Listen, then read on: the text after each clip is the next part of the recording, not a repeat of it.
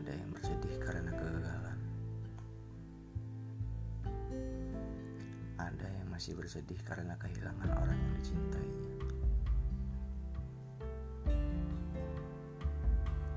ada yang bersedih karena penyakit yang tak kunjung sembuh,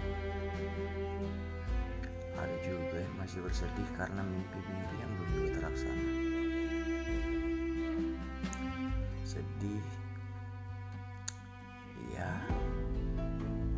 Ungkapan emosional seseorang yang sangat wajar. Tapi kita nggak boleh terperangkap di dalamnya.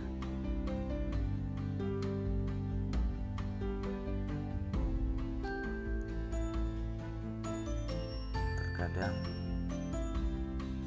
kita suka lupa. Kita suka lupa mensyukuri apa yang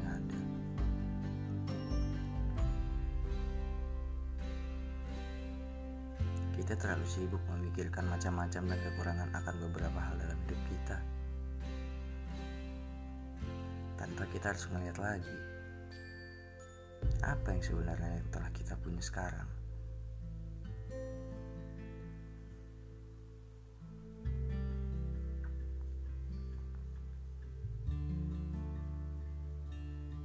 Cobalah untuk selalu mengingat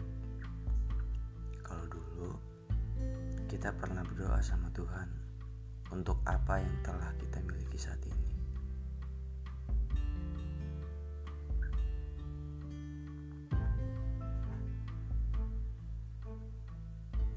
Think positive and positive things will happen. Pikiran yang positif, pikiran positif yang kita ciptakan ternyata sangat mempengaruhi suasana di sekitar kita.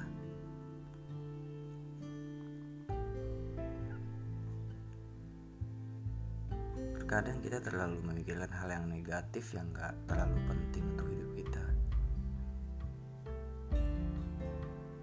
Yang membuat suasana kita menjadi sedih.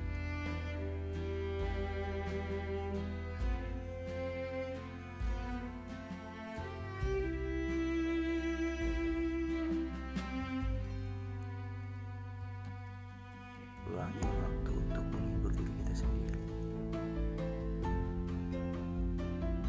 Karena kebahagiaan yang datang ditentuin dari cara kita bersikap.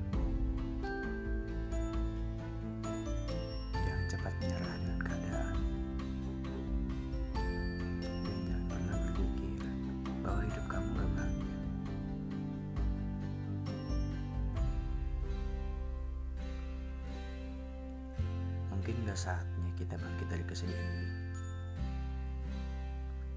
Jadikan hari kemarin sebagai pelajaran dan yang membentuk kita untuk lebih baik di hari ini.